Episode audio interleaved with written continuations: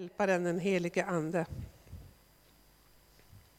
Läser ifrån Johannes, det 14 kapitlet, vers 25 och framåt. Detta har jag sagt er medan jag är kvar hos er. Men Hjälparen, den helige Anden, ska lära er allt och påminna er om allt som jag har sagt er. Frid lämnar jag kvar åt er. Min frid ger jag er. Jag ger er inte det som världen ger. Känn ingen oro och tappa inte modet. Ni hörde att jag sade till er, jag går bort och kommer till er igen.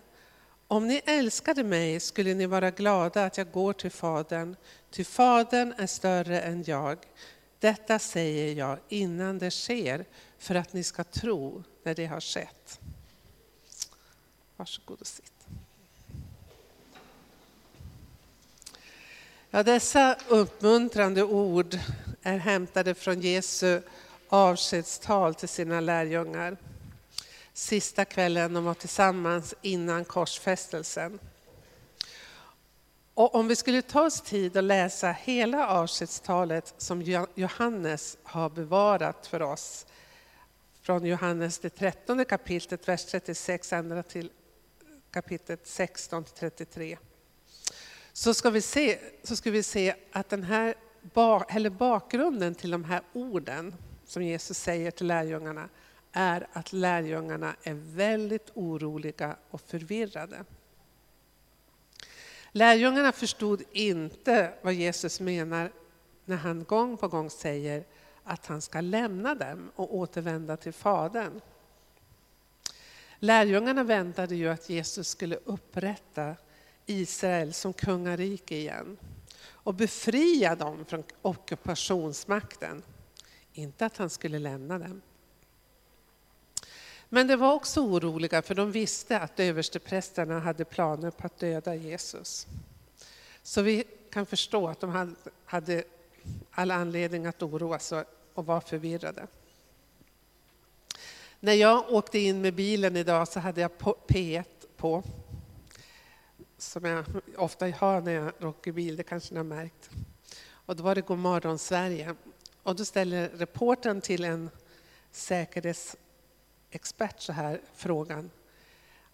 Lever vi, lever vi i en farlig tid eller har det blivit farligare i vår värld? Mer osäkert och så.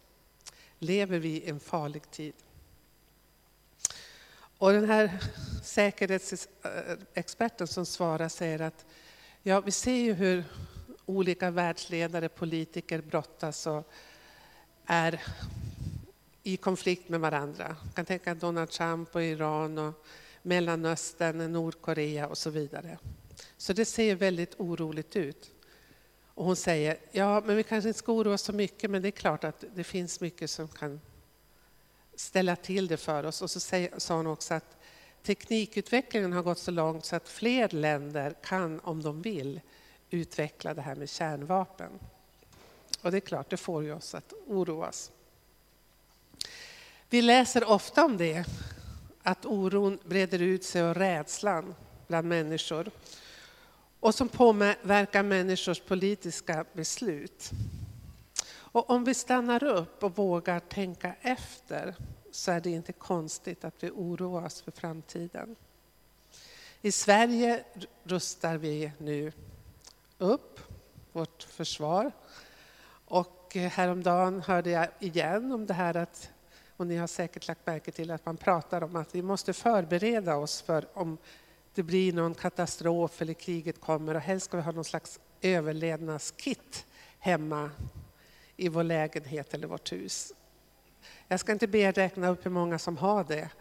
Jag har inte skaffat det själv, men vi, vi, kanske skulle skaffa det. Det sa de i fredags i varje fall på nyheterna, då måste jag rätt. Ja. Men det vi kanske oroar oss allra mest för, och när man frågar människor, om vi ska gå runt med en mikrofon och fråga människor på gatan, så tror jag att det är klimatförändringar som oroas allra mest. Och tyvärr är det vi själva som påverkar och på, bidrar till att vår miljö runt omkring oss, den fina skapet som, som vi har, att den håller på att förgiftas, att havet är förgiftat, många av våra jordar och så vidare. Och det leder till i sin tur krig, flyktingströmmar, hungersnöd, vattenbrist och så vidare. Oro vi känner kan ju bero på de här yttre sakerna, det som händer i vårt land, det som händer i andra delar av världen. Men jag skulle vilja att du tänkte efter och funderar på vad oroar du dig för? Vad är det som gör att du kanske ibland ligger vaken på natten och snurrar i sängen och oroar dig? Det är just till dig och mig, precis som till lärjungarna, som Jesus säger, känn ingen oro och tappa inte modet. Och att han vill ge oss av sin frid.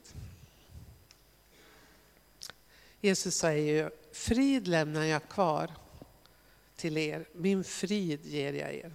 Jag ger er inte det som världen ger. Det är uppenbart att Jesus menar att den frid som han ger, det är någonting som kan, vi kan få känna oavsett om vi lever i en orolig tid eller inte. Det är någonting som inte världen kan ge oss. Lärjungarna stod inför väldigt mycket som skulle komma. Jesus visste det.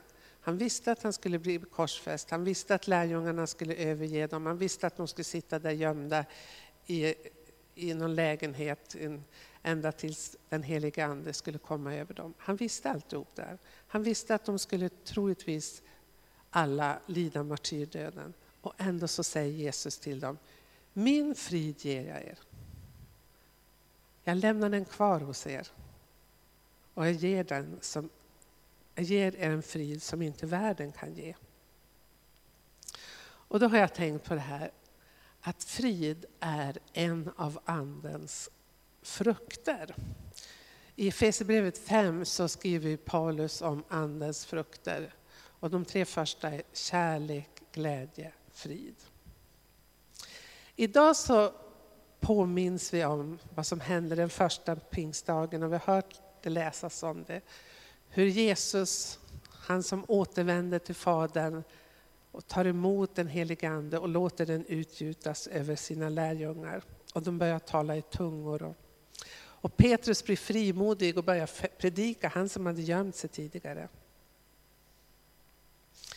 Men jag tänker just på det här att de här andens frukter är någonting som, vi kan, som den helige Ande också ger oss, men någonting som växer fram i våra liv. I Efesierbrevet 5 och 18 så står uppmaningen, Paulus skriver, låt er uppfyllas av Ande. Och det här låt er uppfyllas en ständig pågående process, det är presens. I grekiskan ser man det hela tiden. Låt er uppfyllas av den helige Ande. Och då tänkte jag så här att det här med att uppfyllas av den helige Ande är på ett sätt och vis det vi brukar kalla för färskvara. Alltså man kan inte säga bara så här, ja 1989 så var jag på en gudstjänst och då upplevde jag verkligen att den helige Ande kom till mig och uppfyllde mig. Det är ju jättebra, man har en sån erfarenhet. Men frågan är om vi låter Guds heliga Ande uppfylla oss idag. Alltså egentligen borde vi börja dagen och säga Kom helige Ande med ditt liv, med dina gåvor och låt mig uppfylla din närvaro. Därför att den helige Ande ger oss, det vi sjöng i sången, mer, mera av Jesus. Och Jesus själv, han säger ju i nästa kapitel, kapitel 15 i Johannes evangeliet att han är den sanna vinstocken. Och att var gren i mig som inte bär frukt skär han bort. Men han skriver också att, att bli kvar i mig, så blir jag kvar i er och då kommer ni att bära frukt. Jag kanske har sagt det förut, när jag växte upp så tänkte jag frukt, det handlar om att vinna människor för Gud. Och det kan ju vara en frukt, men jag tror faktiskt att Jesus syftade på det här med andens frukter, kärlek, glädje, frid, tålamod, vänlighet, godhet, trofasthet, ödmjukhet och självbehärskning. Det är de frukterna. Och att friden då, som är en av andens frukter, är eh, någonting som vi får del av när vi har en relation till Jesus Kristus. Det är lätt att vi ibland faller ner i mörka hål och glömmer vem som är vår frid. Och då behöver vi påminna varandra om. Det är i relationen till Jesus Kristus som den här friden kommer inifrån. Vi får del av den helige Ande i relation till Jesus. Paulus han skriver också i kapitel 4 i Filipperbrevet. Och då ska vi tänka att Paulus skriver Filipperbrevet när han sitter i fängelse, eller han är fängslad i husarrest, eller hur det var. Men han är fängslad och kan inte göra vad han vill. Men så skriver han Filipperbrevet som har blivit omnämnt som glädjens brev. Och det är fantastiskt. Och han skriver så här, ni får inte det på väggen, ni får lyssna vad jag säger. Gläd er alltid i Herren. Än en gång vill jag säga, gläd er. Låt alla människor se hur fördragsamma ni är. Herren är nära. Gör er inga bekymmer, utan när ni åkallar och ber, tacka då Gud och låt honom få veta alla önskningar. Då skall Guds frid, jag tror ni kan det här bibelordet, som är mer värd än allt vi tänker, Ge era hjärtan och tankar skydd i Jesus Kristus. Alltså när vi ber, när vi talar med Gud om allt det vi önskar, allt det vi oroar oss för och överlämnar det till honom och samtidigt tackar. Då får vi förbli i Jesu frid, den frid som Jesus ger. Då ger Jesus våra tankar skydd och era, våra hjärtan i Jesus Kristus. Någonting som jag tror också är viktigt för att vi ska kunna bevara friden, det är det att vi tänker att Jesus har återvänt och påminner oss, återvänt till himlen och han sitter på Guds faders högra sida och han ber för oss. Det skriver Paulus om och det är återkommande det här. Jag predikade om det förra helgen när jag var i Finspång. Att Jesus har återvänt till Fadern och sitter på Faderns högra sida. En, en tanke som återkommer i Nya Testamentet och den är viktig. Och där på Faderns högra sida så ber han för oss. Så när du sätter dig ner och tänker att Åh, nu måste jag ta en stund med Gud, eller måste, nu vill jag. Och jag måste berätta allt det jag känner, och det får vi göra, vi sätter ord på det. Då kan vi tänka att Jesus har redan bett för oss och allt det vi bär på, allt det som händer oss. Och han sitter på Faderns högra sida. Så när vi börjar be, då lyssnar Fadern och Jesus. Men det är inga nyheter, för han vet ju allt. Utan det är mer vi som behöver sätta ord på det. Men vi får stämma in i din förbön som ständigt pågår, som Jesus ber för oss. Och I Romarbrevet 8 står det också att Anden vädjar för oss med suckar utan ord. När vi har tagit emot den helige Ande så är det Anden i oss talar till Gud. Vad fantastiskt, eller hur?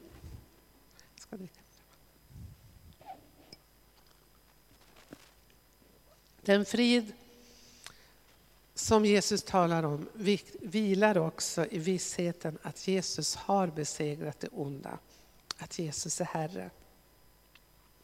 Och Jesus säger det i kapitel 16, vers 33. Detta har jag sagt er för att ni ska ha frid i mig. I världen får ni lida, men var inte oroliga. Jag har besegrat världen. Så även om vi får lida så kan vi få uppleva en frid som bär oss mitt i allt det som är svårt. Och den är relaterad i vår relation till Jesus. Min frid ger jag er, inte ger jag det som världen ger. Och så kommer de här orden. Känn ingen oro och tappa inte modet. Det är en utmaning som jag skulle vilja, en uppmaning, en uppmuntran som jag skulle vilja att ni tog med er efter den här gudstjänsten. Och jag tänker att öva oss i det här att inte bekymra oss utan överlämna vår oro till Jesus är en andlig övning. Som vi, någonting vi behöver öva oss i. En del av oss har lättare för att bekymra oss för allt och allting runt omkring oss och kanske mest för våra nära och kära. Och en del av oss kanske har lättare för att släppa och överlämna till Gud. Men för oss alla tror jag det handlar om att överlämna det vi bär på. Vår sorg, vår oro, vår oro för allt som händer i världen, vår oro för att nära och kära, vår oro för oss själva, att vi ska bli sjuka, gamla eller vad som helst. Och när vi överlämnar den till Jesus får vi ta emot hans frid.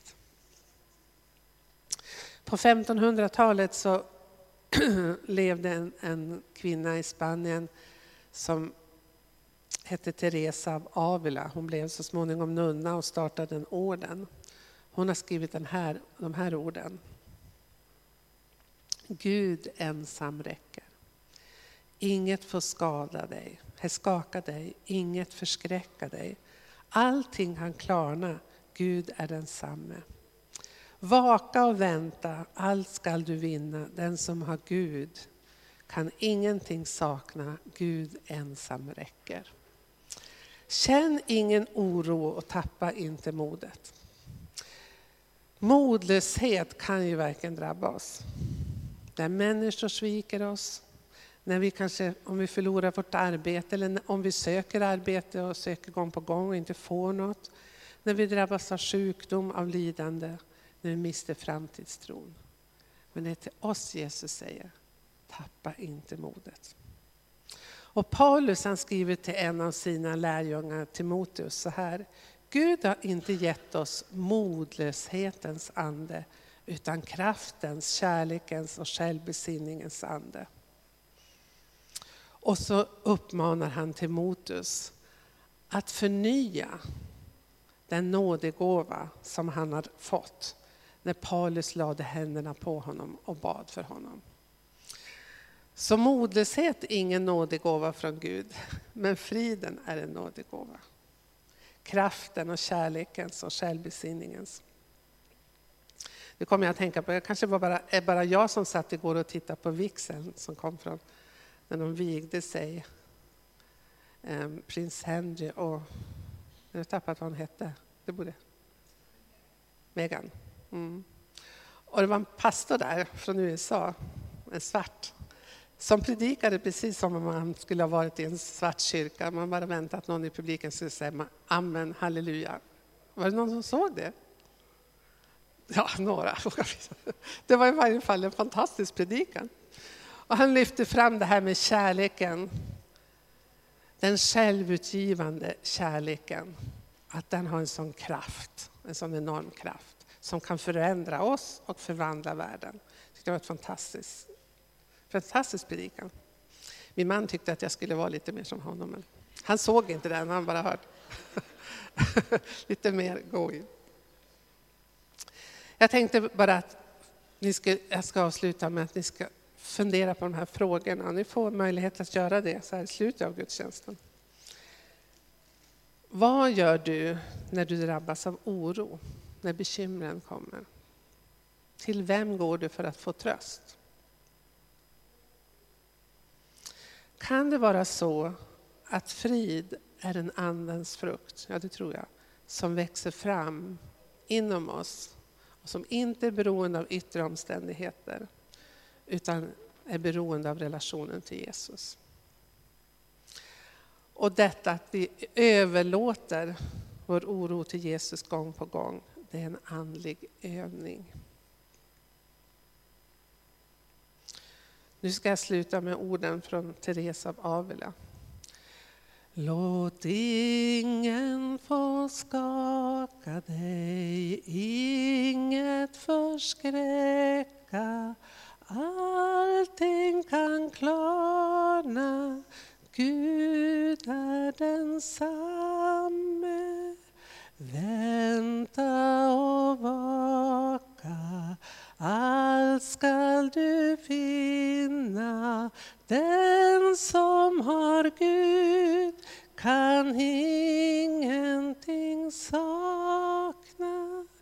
Gud ensam räcker, Gud ensam räcker. Låt inget få skaka dig, inget förskräcka. Allting skall klarna, Gud är densamme.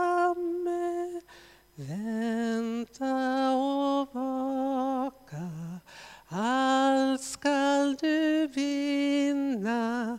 Den som har Gud kan ingenting sakna. Gud ensam räcker, Gud ensam räcker. Vi ber.